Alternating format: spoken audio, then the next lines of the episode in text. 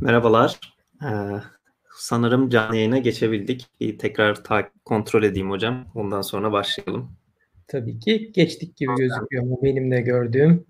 Sosyal medya hesaplarımıza bakayım. Tamam. Twitter'dan bir sıkıntı yok. YouTube'dan da geçti. Bir bakayım oraya da tekrar. Bir sıkıntı tamam. yok. YouTube'dan da. YouTube'dan da sesi kısalım buradan. Evet arkadaşlar merhabalar. Hoş geldiniz tekrardan. Hoş geldiniz hocam siz de. Hoş bulduk Alpçiğim. İzleyicilerimiz de hoş geldiler. Arkadaşlar bir seste görüntü bir sıkıntı varsa yazarsanız sevinirim. Bizim tarafımızda bir sorun yokmuş gibi gözüküyor. Ondan sonra yavaş yavaş başlayalım.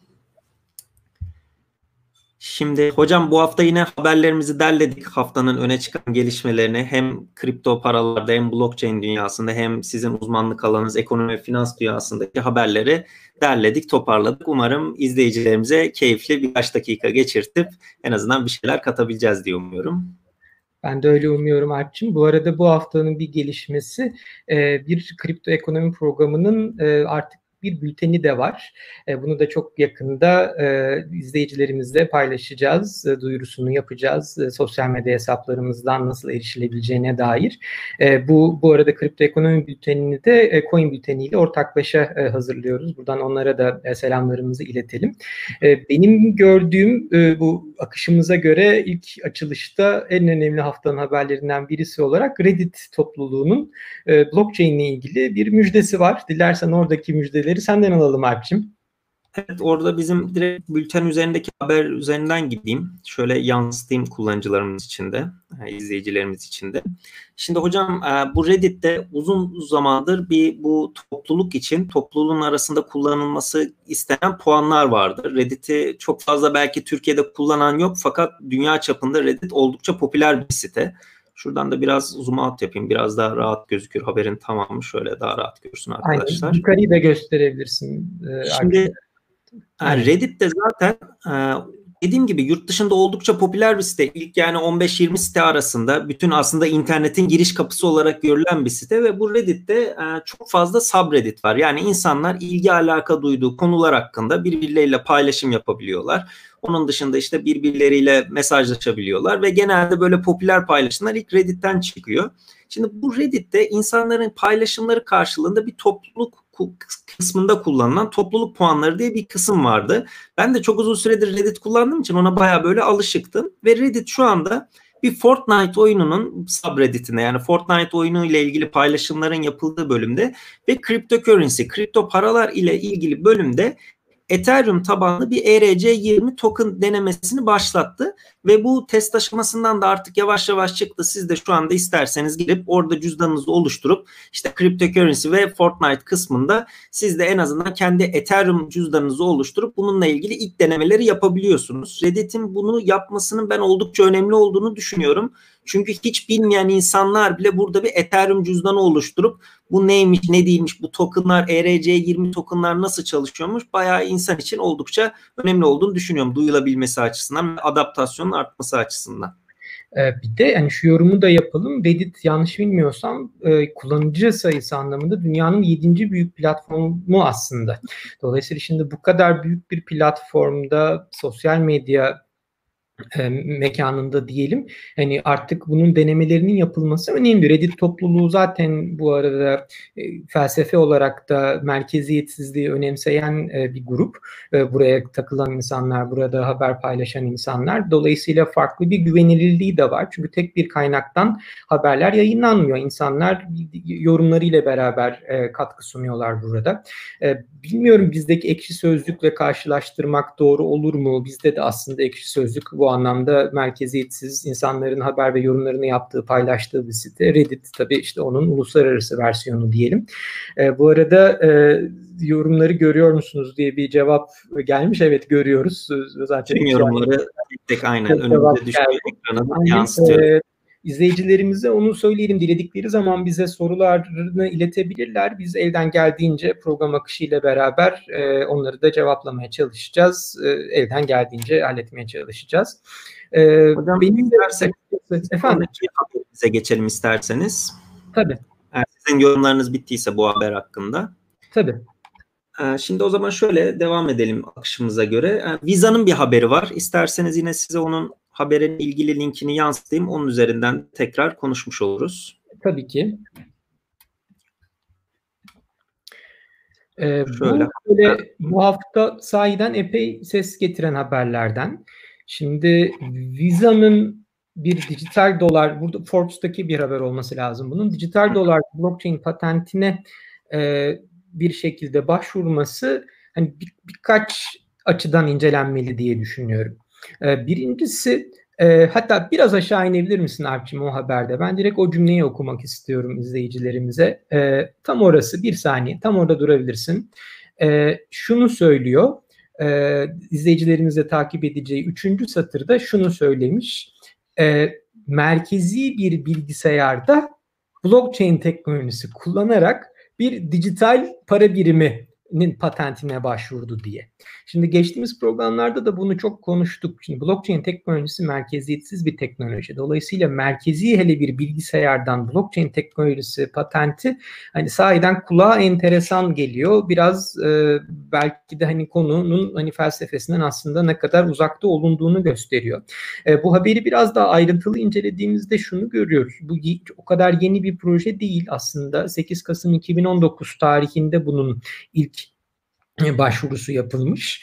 E, ve burada e, bahsedilen bizim geçtiğimiz programlarda da konuştuğumuz gibi hani kripto paraların felsefesinden çok uzak, e, blockchain teknolojisinin felsefesinden çok uzak, e, daha çok e, burada merkez bankalarının şu anda üzerinde çalışmakta olduğu kendi ülkelerinin dijital para birimi versiyonlarının bir şekilde kaydının blockchain'de tutulacağı, Visa üzerinden kaydının blockchain'de tutulacağı bir prototip aslında bu. Ve burada biraz tartışmalı da bir konu var aslında Alpşim. Onu ben seninle de paylaşmak isterim. Visa'nın şöyle bir yorumu var.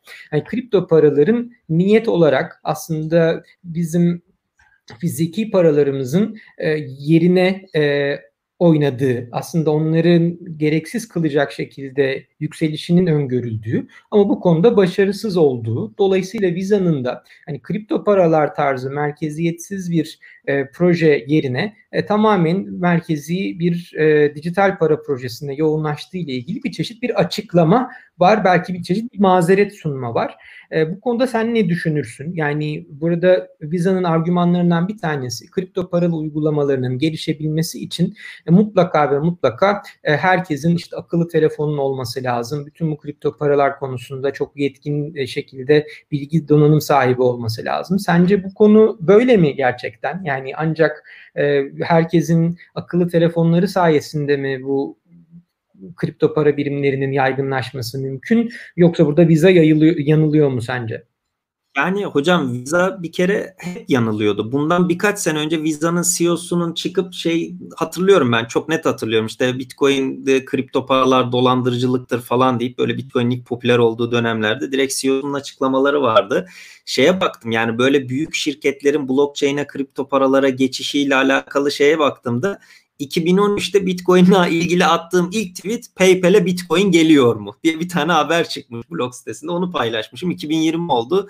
Devamlı bu haber 50-60 kere önümüze çıktı. Çıkmadı. Şimdi Visa da burada kripto paraların işte blockchain teknolojisi yaygınlaşması için akıllı telefon herkeste olması gerekiyor.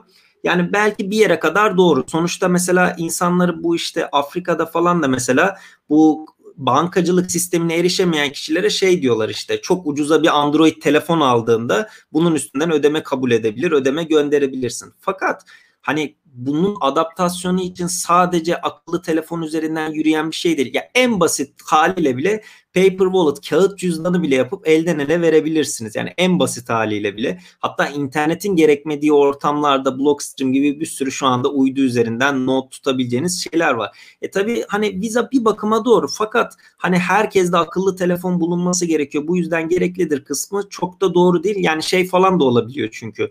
Yani artık kredi kartı şeklinde donanım cüzdanı cüzdanlar var. Bayağı üzerindeki QR koda yollayıp kullanabileceğiniz, sadece böyle kredi kartını şarj edebileceğiniz ilginç ilginç teknolojiler çıktı. E bundan 3-4 sene sonra hani denimizin altına yerleştireceğimiz çiple ödeme yöntemi yapacağız işte falan diye konuştuğumuz dünyada belki de aslında kullandığımız cep telefonları o kadar da ödeme anlamında, ödeme yöntemi olarak kullanmada çok da pratik kalmayacak. Çünkü şu anda baktığımızda ya gidip bir cep telefonuyla ödeme yaptığınızda ya işte Touch ID ya Face ID suratınızı elinizi tanıtıyorsunuz ama bu belki o kadar da pratik olmayacak birkaç sene sonra çok daha basit bir şekilde ödeme yapabileceğiz.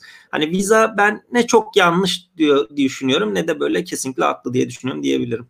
Ee, öte yandan e, bu arada hani aslında akıllı telefonların da dünya genelinde çok daha ucuzladığını ve çok daha yaygınlaştığını ve çok daha e, genç kitlelerin elinde aslında ana iletişim aracı olduğu kadar ana eğlence aracı olduğunu da görüyoruz. Yani bu Instagram'ın yayılmasıyla bile belki başlayan bir sürecin devamı.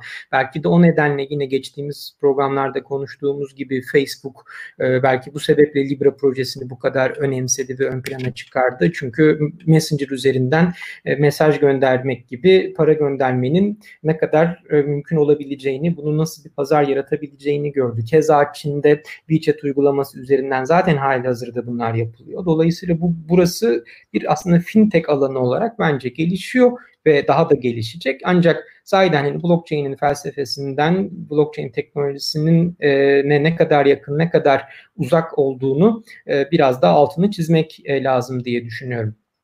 E, bu arada bu hafta bir de farklı bir belki magazinsel bir haber vardı. Twitter'ı da çok e, gündem olarak meşgul eden. E, bizim e, Harry Potter üzerinden daha çok tanıdığımız e, bütün o kitapların yazarı J.K. Rowling'in e, Bitcoin ile ilgili galiba bir macerası oldu. Biraz istersen ondan bahsedelim Alp'ciğim. Şimdi onu açayım. Bir de arkadaşlar sorularınızı görüyorum. Birazcık haberleri toparladıktan sonra soru kısmını da geçeceğiz. Buradan direkt ekrana yansıtabileceğim. Sorularınızı okuyoruz. Onu söylemek istedim tekrardan. Şimdi aslında bu haftanın böyle en hani konuşulan haberlerinden biri buydu. J.K. Rowling çünkü Twitter'da milyonlarca takipçisi olan çok popüler bir yazar. Harry Potter serisinin de yazarı. Ya kendisi işte bir röportajında da ben işte Bitcoin'i bana anlatın ya bilmiyorum nedir bu Bitcoin tarzı bir paylaşım yaptı. E tabii böyle yapınca ben de falan Twitter'ımdan böyle Reddit'te bir tane fotoğraf vardı Magic Internet Money diye ben onu yazdım. Başkaları başka şeyler yazdı falan. Bir anda herkes J.K. Rowling'e nasıl işte Bitcoin'i anlatabiliriz tarzında herkes kendince bir şeyler yazdı.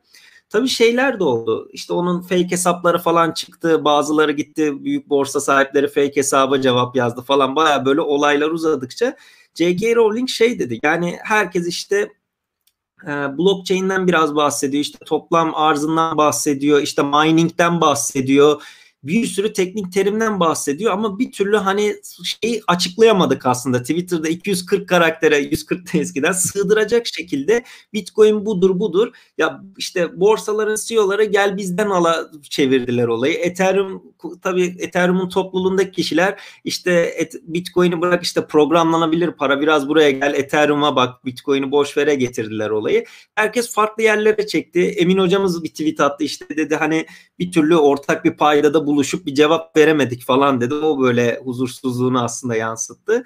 Yani bu haftanın aslında ilginç olaylarından biri buydu diyebilirim.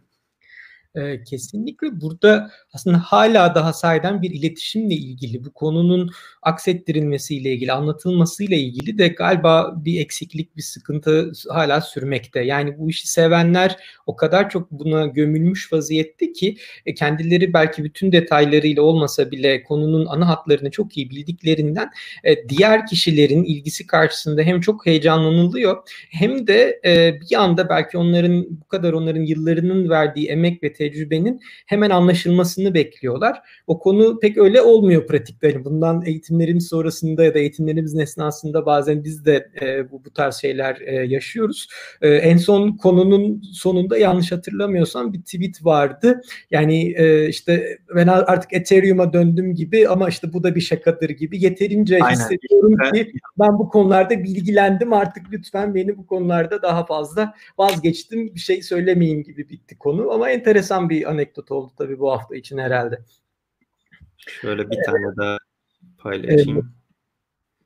bu arada e, aslında bir sonraki konu başlığımızla ilişkili olabilecek yani e, hocam sordular. Ya benim gibi düşünün. Herkes yazdı. Ben de bunu paylaşmıştım. Bu da Reddit'te çok şey bir popüler bir görseldir. Birisi bunu Reddit'te Magic Internet Money diye ilk Reddit'e Bitcoin sabrettiğine bunu reklam vererek adam cebinden para vererek bu fotoğrafı herkese tanıttı. Herkes de bunu yazdı J.K. Rowling'e. Kadının kafasının karışıp bir türlü ortak paydada buluşamamız çok normal sonradan işi şakaya vurması. Ee, burada bir siber magazinden Jay-Z'nin e, atlı cevap hakkında ne düşünüyorsunuz diye bir e, yorum gelmiş. Bilmiyorum. Bir, e, Bakarım ben. Sonrası e, bir sonraki haber başlığımızla ilişkili iki tane ardarda arda soru var. Muhammed Ali ve Mustafa Akarsu'dan. Ee, istersen onlarla biraz başlayalım. Hocam mevcut ekonomik otoritelerin kendi kripto paralarını dijital paralarını diyelim oluşturma heveslerinin temeli blok zincirdeki otorite, otoritesizliği ortadan kaldırmaya yönelik midir? Yoksa masumane bir teknolojinin nimetleri için mi? Ee, İkisi de değil diye bir ön cevap vermek isterim. Sonra biraz detaylandırayım. Şimdi blok zincirdeki ya da blockchain'deki otoritesizliği ya da merkeziyetsizliği tanım gereği ortadan kaldırmak zaten mümkün değil. Yani o zaman blockchain'i ortadan kaldırmış olursunuz. Dolayısıyla blockchain teknolojisinin yayılması demek merkeziyetsiz teknolojinin yayılması demek. Tanım, tanımın gerektirdiği bir şekilde direkt sonuç bu. Ee, şimdi ne gibi başka özellikleri var yalnız e, blockchain teknolojisinin? Mesela kayıtların e, şeffaf ve değiştirilemez şekilde tutulması gibi bir özelliği var. Şimdi bu iştah kabartan bir şey bir taraftan kesinlikle. Neden? Ekonomiler dünyanın hiçbir yerinde tam olarak yüzde yüz kayıt altına tutulabilen bilgilerden oluşmuyor. Hep mutlaka bütün ekonomilerde biz biliyoruz ki kayıt dışı kısımda vardır. İşte blockchain teknolojisinin belki merkezi otoriteler için bir cazibesi bu.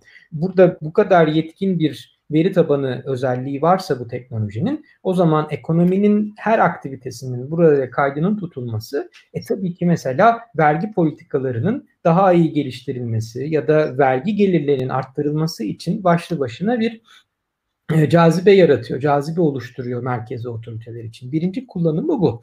İkinci yani ekonominin daha iyi kayıt altına alınması özelliği. İkincisi de e, e, tabii para basmanın merkez bankaları açısından e, hep önemli bir hani gücü vardır. Bir kere bütün para politikaları zaten merkez bankalarının en önemli iktisadi güçlerinden birisini oluşturmaktadır. E, burada farklı para birimlerinin ortaya çıkışı bu para politikalarının zayıflamasına yol açabilir. E, bu da dolayısıyla e, bir anlamda e, aslında dengelerin bozulması demek. Bu dengelerin bozulmaması açısından e, çok biraz daha teknik terimlerle konuşacak olursak mesela e, Senyonaj gelirleri gene çok önemli bir kısımdır. E, merkez bankaları için çok önemli bir konudur. E, burada para basabilme diye bağlı gelirlerin e, kaybı, kripto paraların ve belki diğer dijital para birimlerinin yaygınlaşması sonucunda merkez bankalarının gelirlerinde azalmaya yol açar. E, dolayısıyla bunun da önlemek için aslında merkez bankalarının burada dijital para projeleriyle yüksek e, ilgiyle e, çalışmaları sürdürdüğünü gö- görüyoruz. E, hemen Mustafa Sayın Mustafa Akarsu'nun e, Haberimizle bağlantılı bir sorusu var evet. Aynen öyle hangi ülkeler daha fazla yol almış durumda diye. E, birkaç ülke sahiden e, ön plana çıkıyor. Dubai, Singapur, e, Estonya, e, bununla beraber İsviçre tabii ki hani bu ülkeler e, şu anda bu konulara çok büyük açıkçası yatırım yapıyorlar. E, tabii ki Çin bu arada dünyanın şu anda blockchain özelinde konuşacak olursak en fazla blockchain projesi patenti Çin'e ait. Bununla beraber diğer ülkelerde Avrupa Birliği de bu arada bu konulara yatırım yapmaya devam ediyor. Baya bir ülkenin Merkez Bankası'nın geliştirmekte olduğu blockchain ile ilgili projeler var. Ne mutlu ki Türkiye'de de aslında bundan e, söz etmemiz mümkün. E, belki burada tam e, aynen Alp'i sağ yansıttığın gibi e, Sayın Ruslar Pekcan'ın, Sayın Ticaret Bakanımızın e, geçenlerde yapmış olduğu önemli bir e, online e, lansman vardı. Tam olarak başlığını okuyayım. E-ticaret olarak COBİ'lerin yanındayız. Dayanışma kampanyası dijital lansman toplantısı yapıldı. Ve burada e, Türkiye Odalar ve Borsalar Birliği Başkanı Sayın Rıfat Sarcıklıoğlu da eşlik etti. Bu önemli. Çünkü şu anda içinde bulunduğumuz dönemde e, COBİ'lerin küçük ve orta büyüklükteki işletmelerin de çok önemli bir e, dönemden e, geçtiğini hepimiz biliyoruz. E, içinde bulunduğumuz ekonomik koşullar sebebiyle de. Şimdi burada dijital çözümler, e-ticaret uygulamaları, bu COBİ'lerin de dünyayla aslında iletişiminin ve ticaretinin tabii ki en önemlisi çalışmaları için, sürmesi için çok önemli bir nasıl diyelim potansiyel çözüm, bir yol haritası.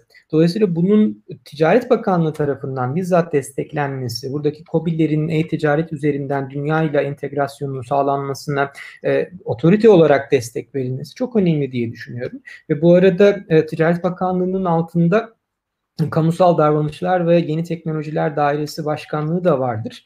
E, bu, bu başkanlığın da çok önemli çalışmaları var. Hem blockchain alanında hem davranışsal iktisat açısından. Ne mutlu ki e, Ticaret Bakanlığı'nın blockchain ilgili yeni başlayan değil, sahiden bir süredir devam eden çalışmaları var. Keza Sanayi ve Teknoloji Bakanlığı'nın da öyle, Merkez Bankası'nın da öyle. Buna ülke adına e, bence çok ümit verici gelişmeler. İşin e, potansiyelinin farkında olunduğunun burada e, hem zaman anlamında hem e, mali anlamda yatırımların yapıldığının göstergesi. E, soruda hangi ülkeler daha fazla yol almış durumdaydı zannediyorum cevap verebildim. Türkiye'de e, ümit ediyorum ki bu e, yol almış ülkeler arasında e, sayılabilecek durumda. E, bunun sonrasında kim galiba seni ilgilendiren bir haberimiz var. Aynen. E, işte harika bir yayın oldu geçtiğimiz hafta tam Halloween gecesinde. Kaç saat sürdü ben e, artık e, unuttum. Dört buçuk saat falan galiba saat, yaklaşık. Dört buçuk saat aynen. Onun öncesinde de bizim programımız vardı. Onun öncesinde başka bir canlı yayın. Ben yedi saat falan koltuktan kalkmadım ama çok keyifliydi. Yaklaşık 1200 kişi falan anlık olarak izledi. Ondan sonra bir 20 bin kişiye kadar ulaşabildik. Sadece YouTube'dan yapmıyorduk çünkü. Twitter başka platformlardan da yapıyorduk. Güzel bir keyifli canlı yayın oldu. Bir sonraki haberimiz aslında onunla ilgili. Orada da hani diğer konuklarımızla da zaten tartışmıştık. Ondan önce geçen hafta da şeyden bahsetmiştim ben. Ee, bu Bitcoin'deki blok ödülü yıllanmasından sonra madencilerin bir kısmının cihazlarını kapatacağını hani bunu beklemek gayet normal olacağını zaten herkes tahmin edebileceği bir şeydi. Bunun ee, dışında çok pardon. İstersen altyazımızı da güncelleyelim haberle paralel gitmesi açısından. Tamam altyazımızı da yazdım. Şimdi e, burada tabii Bitcoin'in işlem ücretlerinin de ciddi bir şekilde artmasını bekliyorduk. Çünkü blok bulunma süreleri bazı madenciler cihazlarını kapatacağı için blok bulunma süreleri de ciddi anlamda uzayabilecekti. Yaklaşık bir %30 civarı hash rate'de düşme oldu işlem gücünde ve birazcık toparlasa bile buna bağlı olarak şu anda Bitcoin yollama ücretinde ciddi bir yoğunluk var. Bunun için de aslında birkaç hafta öncesinden insanlara bir site göstermek istemiştim ben hani bunu kullanabilirsin diye. Şurada aslında tekrar yansıtmak istiyorum şu anda. Ee, şu anda Bitcoin transferlerinde fiiller yani ücretler çok yüksek olduğu için burada görebileceğiniz gibi bu site size şu anda en hızlı bir şekilde kaç Bitcoin yollayabilmeniz için vermeniz gereken şeyi söylüyor. E, işlem ücretini söylüyor. Şu an 230 Satoshi bölü byte'a kadar çıkmış durumda. Yani bu gerçekten ciddi bir oran. Şurada görebileceğiniz gibi şu yeşiller normalde ortalarda olması gerekiyordu. Yani ortalama fiinin, ortalama işlem ücretlerinin buralarda olması gerekiyordu. Şu anda ciddi bir şekilde yoğunluk var. Bu da şu anlama geliyor. Bitcoin cüzdanınızdan birisine Bitcoin yollarken mutlaka işte oradaki fee kısmında custom yani özel fee ayarla, özel işlem ücreti ayarla gibi bir şey varsa şuna mutlaka dikkat edin. Yoksa şöyle söyleyeyim. Mesela 230 yerine atıyorum geçen haftalarda da söylemiştim. 93 civarı verdiniz. Burada işte 3 ile 65 blok arası beklemeniz gerekecek. Bu da gerçekten ciddi bir süre ediyor. Hani bu ara en azından buna biraz dikkat ederek yollamak gerekiyor. Hani borsalardan atıyorsanız zaten borsalar fiilleri biraz arttıracaktır ama bu mesela geçtiğimiz haftalarda aynı şey Ethereum için de olmuştu. Ethereum'un blok e, zincirinde bayağı ciddi yoğunluk olduğundan bu merkeziyetsiz finans uygulamaları ciddi şekilde etkilenmişti mesela. Orada da bayağı sıkıntılar yaşanmıştı, mağduriyetler yaşanmıştı. Aynısı şu an Bitcoin ağı için yaşanabilir. En bu süreç boyunca bir 14 gün geçene kadar o zorluk seviyesi değişene kadar ki o da değişir yakında zaten. Ona dikkat etmek gerekiyor. E, Alp'cim bu arada e, Siber Magazin az önce e, bir soru sormuştu. E, CZ'nin e, e, altındaki cevabına ne dersiniz diye. E, bence önemli hatta bir sonraki haberimizde de kendinden ilişkili. Bu şekilde izleyicilerden gelen soru ve yorumların bizim haber akışımızla örtüşmesi de açıkçası bence çok hoş bir tesadüf oluyor. E, şöyle diyelim ben hızlıca Türkçeleştirmeye çalışalım, çalışayım. E, Emin Hoca'nın e, söylediği e, yani ilk tweet'i bir sonraki sefer J.K. Rowling gibi başka bir ünlü bize sorarsa bu kripto paralar hakkında e, acaba bir şekilde koordine olup e, belki de e, aslında söylediği evet koordine olarak bu cevapları vermemiz mümkün olabilir mi diyor. Bunun üzerine e, CZ de Binance'in CEO'su e, biz ne zaman kripto dünyasında koordine olabildik mi? Olabildik ki aslında bu e, merkeziyetsizleşmenin doğasına aykırı değil mi? Belki de kaosu hep beraber kucaklamamız gerekir diye sonrasında da biraz daha yumuşatacak bir şekilde aslında kendi kendimize şaka yaptık çok da fazla ciddiye almamak gerekir gibi bir yorum yapmış. Şimdi bence aslında konunun çok özüne dokunan iki önemli yorum var burada. Bence Emin Hoca'nın söylediği bir şekilde konunun doğru aksedilmesi için hiç değilse fikirlerimiz bir olsa yani konunun ne olduğu, konunun doğru anlaşılması konusunda kafalar net olsa burada belki bu anlamda koordine olabilsek demiş olabilir diye düşünüyorum. Belki sonraki yayınlarımızı onu da e, davet edip bizzat onun da yorumlarını almak iyi olabilir burada. Ee, CZ'nin cevabı biz ne zaman koordine olabildik kısmı önemli. Şimdi blockchain merkeziyetsiz olması sebebiyle tanım gereği tek bir yerden koordinasyonun sağlanamadığı işte bizim mutabakat mekanizmaları dediğimiz, konsensus protokolleri dediğimiz algoritmalarla aslında bu koordinasyonun sağlandığı sistem. E, dolayısıyla e, bir merkezin olmaması koordinasyonsuzluk demek değil. Ya da koordine olamamak merkeziyetsizliğin doğası değil diye düşünüyorum. Bilakis koordinasyonun bir şekilde güvenilen algoritmalar sayesinde yürütülmesi bu işin en önemli güvenlik unsurunu sağlıyor. Bayağı matematiğe güveniliyor, bayağı kriptografiye güveniliyor, bayağı buradaki protokole güveniliyor aslında. Ee, burada ikisinin de bir çeşit e, birbirine nazire yaptığını düşünüyorum. E, tek bir elden blockchain konusunda, bitcoin konusunda konuşabilecek yetkili bir me- mecra hiçbir zaman olmayacaktır. Yetkili bir e, kişi de hiçbir zaman olmayacaktır. O anlamda CZ'ye katılıyorum. Olmamalıdır da. Ama ben, ben şöyle diyorum hocam. Bir de zaten Bitcoin'in ne olduğu kişiden kişiye değişen bir şey. Yani herkesin hangi açıdan baktığına, bazısına göre felsefesi, bazısına göre teknolojisi, bazısına göre ekonomi. Yani zaten hepimiz farklı açıdan baktığımız için bir, bir soru sorduğunda herkes tabii kendi şeyini ön plana çıkarmak istiyor haklı olarak da. Zaten olamayacak hiçbir zaman bir orta yolda buluşamayacağız.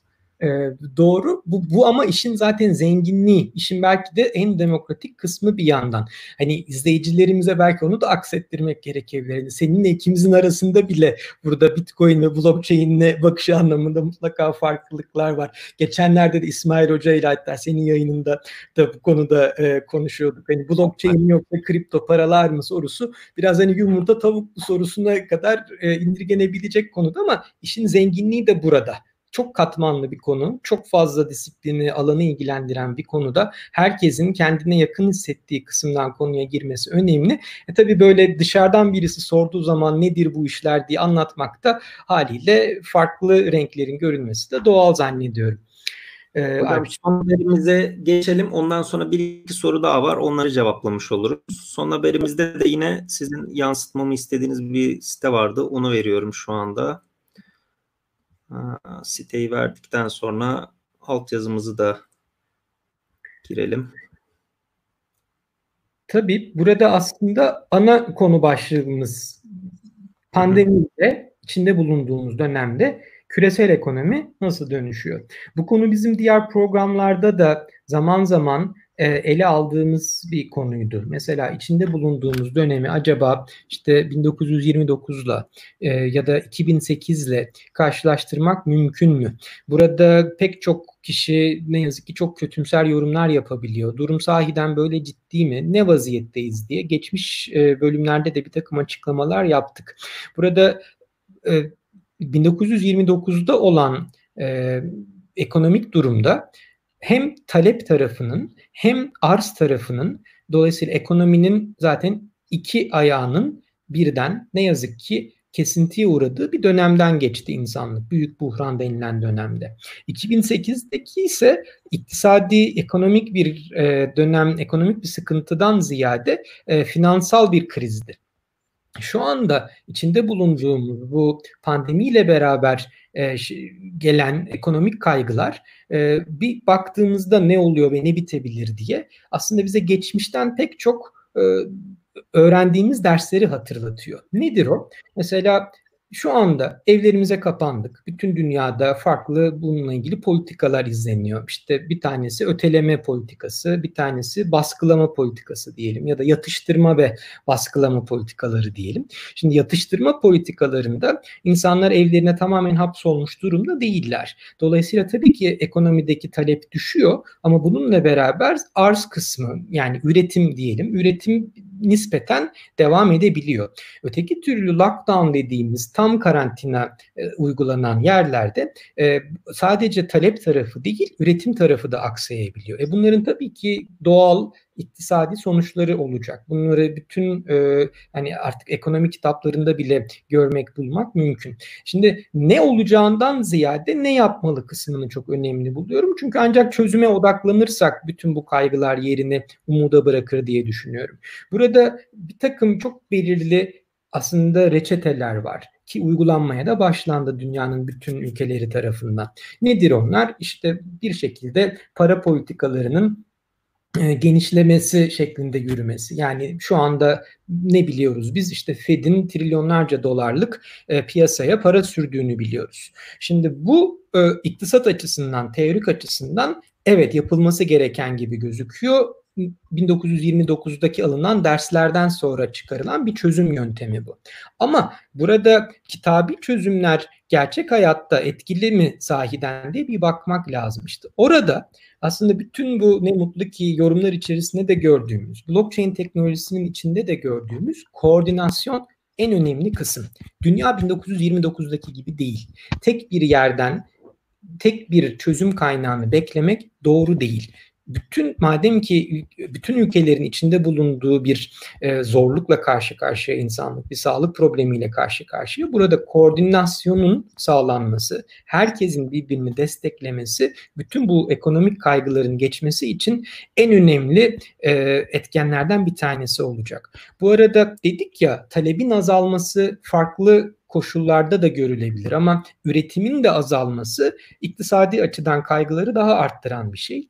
Ee, izleyicilerimize burada yansıtılan e, slaydı birazcık açıklamak isterim, görseli açıklamak isterim. En önemli e, şu anda kaygılardan bir tanesi tedarik zincirleri kırılır mı? Yani üretim yapmak isteyenler bir şekilde ham madde bulmakta zorlanır mı ya da ürettiklerini piyasaya sürmekte e, bir şekilde ürünlerini e, taşıyacak e, kamyon bile bulmakta, tanker bile bulmakta zorlanabilir mi? İşte bu burada e, tedarik zincirleri ekstra bir önem kazanıyor içinde bulunduğumuz dönemde. Ve şu anda da bunların otomatize olması, bunların dijitalleşmesi ekstra bir e, önemli. E, buradaki e, grafik bize e, şu anda bütün dünyadaki firmaların özellikle bu tedarik zinciriyle ilgili firmaların ne kadarlık bir yatırım yaptığını gösteriyor yeni teknolojilere. Bunlara baktığımızda mesela nesnelerin internetini görüyoruz yüzde 40 oranında. E, şu anda ne kadarlık bir yatırım yaptıkları raporu bu. E, bununla beraber yapay zekaya ve blockchain'e gibi yatırımlar yaptıklarını görüyoruz. Bu bu arada 2019'dan sonundan gelen bir rapor. E, geleceğe bak bakıldığında ise yüzde 61 oranında bu, bu ankete katılan firma yöneticilerinin bu konulardaki e, yatırımlarını, bu konulara ayırdıkları zamanı, her türlü e, katkıyı arttırmaya devam edeceklerini görüyoruz. Bu önemli. Burada blockchain'in yer alması da tabii ki e, ekstra önemli. Burada aşağı indiğimizde dronları görüyoruz. E, üç boyutlu yazıcıları görüyoruz ki şu içinde bulunduğumuz dönemde e, bu arada üç boyutlu e, yazıcıların ne kadar e, çeşitli e, siperlik üretiminde katkılı olabileceğini Türkiye'de de çok gurur verici projelerle duyduk. E, bu bu e, önemli. Biraz aşağı inebilirsek bu slaytta. E, o yüzdelere gelebilirsek yüzde 49, yüzde 50. Mesela buna baktığımızda şunu görüyoruz. E, orada durabilirsin Arçin. E, şu anda ki firmaların e, yüzde 30'u e, bir şekilde e, aslında buradaki rapora göre e, ne olacak? Bunların e, yerine yenileri gelecek. E, burada yüzde 50'sini bu firmaların neyi görüyoruz? Yapay zekayı kullanmayı beklediklerini görüyoruz. Nesnelerin internetini kullanmayı beklediklerini görüyoruz. Ne zamana kadar? 2023'e kadar. Evet, sadece burada yüzde 49'ununsa aslında hala manuel işlemlerle e, işlerini sürdürdüğünü görüyoruz. Bu çok kaba resimden şu sonucu çıkarabiliriz. Firmaların tedarik zinciriyle ilgili firmaların yüzde 50'si hala manuel işlerle yürürken %50'si dijitalleşmiş vaziyette. Ve tekrar ediyorum bu rapor 2019'un sonundan. İşte içinde bulunduğumuz dönemde bunun önemi bir kez daha anlaşıldı diye düşünüyorum. Şu şu dönemde dijitalleşme sürecini başarıyla tamamlamış olan bütün firmalar bu süreçten daha avantajlı bir şekilde, daha çabuk bir şekilde e, çıkabiliyor ve çıkabilecekler. E, ümit ediyoruz bu da hız kazanarak e, diğer bütün dünyaya e, yayılacaktır. Bu rapor e, Amerika üzerinden bir rapor. E, bir, bir tane daha görsel var ama onu şimdilik geçelim. Sadece şundan bahsedelim. İçinde bulunduğumuz dönemde hangi uygulamaların en çok indirildiği, bunların kullanıcı sayısı ne şekilde değişiyor diye e, de çeşitli raporlar var. Tabii ki herkesin tahmin edebileceği üzere e, video call e, uygulamaları çok artmış vaziyette bütün dünyada. Bununla beraber tabii ki online alışveriş çok artmış e, vaziyette. E, bunu ancak sahiden fintech uygulamalarıyla ve blockchain uygulamalarıyla e, daha da gelişeceğini e, söylemek herhalde e, yanlış olmaz diye düşünüyorum. E, dolayısıyla pandemi sürecinin ve küresel ekonominin ve küresel ticaretin ancak işbirliğiyle ve blockchain teknolojisi gibi yeni teknolojiler eşliğinde bütün bu ekonomik kaygılardan sıyrılabileceğini öngörüyorum. Hocam bir sorumuz var. Bir arkadaşımız blockchain'in dijital pazarlamayı nasıl etkileyebileceğinden etkileyebileceğini sormuş. Burada ben şöyle bir şey demek istiyorum. Bizim kullandığımız şu anda hala hazır kullandığımız mesela şeyden bahsetmiş. Pazarlamacılar kişisel verilerimizle kampanya deneyimleri oluşturuyor şeklinde bahsetmiş. Şu an bu durum hani bazı insanlar bir şey yapmadığından şöyle sanıyor işte internette bir ayakkabı arattım sonra ondan sonra bütün sitelerde ayakkabı reklamı görmeye başladım. Google olsun, Facebook olsun, bütün şu anda Instagram olsun zaten hepsi Facebook'a bağlı oldu neredeyse kullandığım sosyal medyaların. Hepsi kişiselleştirilmiş reklam sunuyor. Yani siz bunu Google'ın ayarlarına girip bana özel reklam gösterme dediğinizde de bu sefer şey yapıyor. Ya bana şöyle bir reklam sunması çok normal. İşte alt Bitcoin ile ilgili şu oldu. İşte kripto paralarla ilgili şu oldu. İşte 3D printer şu oldu. VR şu oldu. Ama şimdi ben Google'ın kişiselleştirilmiş reklamlarını kapatırsam beni hiçbir şekilde takip etme dersen takip edip etmediğinden yine emin olamıyorum. Fakat bana reklamlarda bu sefer traktör, kamyon falan gözüküyor. Tamamen rastgele reklamlar gözükecek. Şimdi şöyle bir durum var yalnız. İnsanların datalarını, verilerini bu şekilde kişiselleştirilmiş onlara reklam olarak sunarken bazen işin rengi değişebiliyor. Sizin isteğiniz olmadan sizden toplanan veriler sizin karşınıza reklam olarak satılarak karşınıza çıkabiliyor. Zaten sıkıntı da burada başlıyor. Yani çoğumuz için bazı şeyler kabul edilebilir durumdayken mesela şeyi kimse kabul etmek istemez. Kullandığımız akıllı saatlerin işte sizin belki e, o günkü nabzınızı işte kaç kalori yaktığınızı falan sigorta şirketinize sizden habersiz bir şekilde iletip size ona göre fiyat verilmesi. Hani şöyle bir teklif sunsa tamam senin bu datanı verini satacağız biz sigorta şirketine ama karşılığında da sigorta priminden şu kadar indirim alacaksın kabul ediyorsan ki bunun da örnekleri var. Bunun çok fazla mesela özellikle araçlarınızı kasko yaparken bunun örnekleri ciddi şekilde var. Aracınıza bir cihaz takıyorsunuz. Şimdi blockchain sayesinde bu bizim kişisel datalarımızın gerçekten internet üzerinde pazarlanırken en azından ne kadarının dağılıp dağılmadığını, ne kadarın sızdırılıp sızdırılmadığını kontrol edebiliriz teoride. Pratikte ben açıkçası böyle bir çalışmanın ne kadar olup olmadığını bilmiyorum. Sonuçta şu, an, şu anda internetteki dijital reklamcılık aslında baktığımızda eskiden web sitelerinin falan kurulurken hep banner falan insanlar arardı. Şu anda biraz Google'un üzerinde yoğunlaşmış gibi. Biraz değil açıkçası Google'un üzerinde yoğunlaşmış durumda. Burada Google'ın bir hamle yapmadan yani ekstra bir tane üçüncü parti reklam şirketinin blockchain'i kullanarak biz şunu şunu sağlıyoruz diyerek çıkması çok güzel olur. Çok da eminim ilgi görür. Ama şu anda benim bildiğim hani bu derde çağrı olabilecek bir blockchain projesiyle en azından hani karşılaşmadım diyebilirim. Ee, ben bir iki yorum yapmak isterim. Soru bence bayağı konunun özüne dair bir soru. Sayın Burçak Berker'e de teşekkür ederiz buradan. Ee, şöyle, sahiden artık bütün eğitimin, ticaretin, sağlığın, her şeyin kişiselleştiği ve kişiselleşmesi gerektiği bir dönemdeyiz. Yani tedaviler artık bir ilaç bulalım, herkese uyarlansın şeklinde yürümüyor aynı şekilde eğitim programı hazırlayalım, herkes faydalansın değil. Bu kadar datayı ölçebildiğimiz bir dönemde kişiselleştirilmiş eğitim, kişiselleştirilmiş sağlık tedavisi, kişiselleştirilmiş pazarlama sahiden e, yükselen trendler arasında. Çünkü bu yapılabiliyor. Eskiden yapılamıyordu. Bununla beraber gelen risk ne? Alp'in de söylediği gibi e, şimdi bizim datalarımız toplanırken bundan bizim haberimiz olmuyor çoğunlukla. Dahası bizim datalarımız bizden habersiz paylaşılabiliyor. Bizden habersiz ticaretleştirilebiliyor, alınıp satılıyor. Bunu hepimiz biliyoruz. Şimdi blockchain teknolojisi buna aslında kimlik dediğimiz uygulamalar üzerinden e, çözüm getirebiliyor. Burada kimlik derken bizim cebimizdeki hani ehliyet, nüfus cüzdanı, pasaport değil. Sahiden bizi biz yapan kimlik bilgilerimiz yani alışkanlıklarımız, tercihlerimiz, alışveriş e, trendlerimiz, neyi ne zaman ne şekilde tükettiğimiz bütün bu bilgiler hassas veriler ve kimlik bilgileri statüsünde. Blockchain teknolojisi şu anda evet teoride şunu sağlayabiliyor. Biz bu bilgilerimizi blockchain üzerinde tuttuğumuzda dilediğimiz kadarını dilediğimiz kişiye verip o verdiğimiz kişinin de bizim iznimiz olmadan başkasıyla paylaşmasının önüne geçebiliyoruz. Dolayısıyla bizim değerli varlığımız olan kimliğimizin, bilgilerimizin bizim kontrolümüzde paylaşılması bizim kontrolümüzce ticaretleştirilmesini sağlamak mümkün. Bununla ilgili şu anda Avrupa Birliği'nde aslında çalışmalar var. Sağlık alanında bir tanesi My Health My Data diye.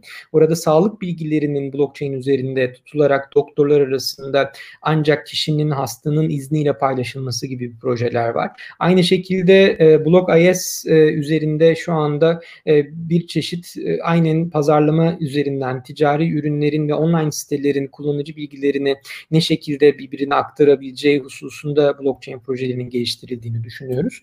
Hani zannediyorum ki bunlar e, daha da yaygınlaşacaktır. E, zannediyorum süremizin e, bu haftalık sonuna geldik. Cevaplayamadığımız birkaç soru daha var. Onları önümüzdeki haftaya e, cevaplayalım diye sözümüzü şimdiden vermiş olalım Alp'ciğim. Bilmiyorum senin eklemek istediğin başka şeyler var mı? Hocam konularımızı tamamladık. Bence oldukça keyifli bir yayın geçti. Dediğim gibi hani 40 dakikayı geçirmemeye çalışıyoruz. Ondan sonra tabii ki dikkatli alıyor. 40 dakika olarak hedeflemiştik. Ee, teşekkür ederim o zaman izleyicilerimiz için. Bu hafta bizi yalnız bırakmadınız. Umarım işinize yarayan bir şeyler katabilmişizdir. Umarım birazcık sohbet edebilmişizdir birlikte diyelim. Ee, çok keyifli bir yayın oldu tekrar bence de. Çok teşekkür ediyorum Alp tüm emeklerin için. İzleyicilerimize çok teşekkür ediyorum soruları ve katkıları için. Ee, önümüzdeki programda görüşmek üzere diyelim. Herkese iyi akşamlar dileriz. Hoşçakalın.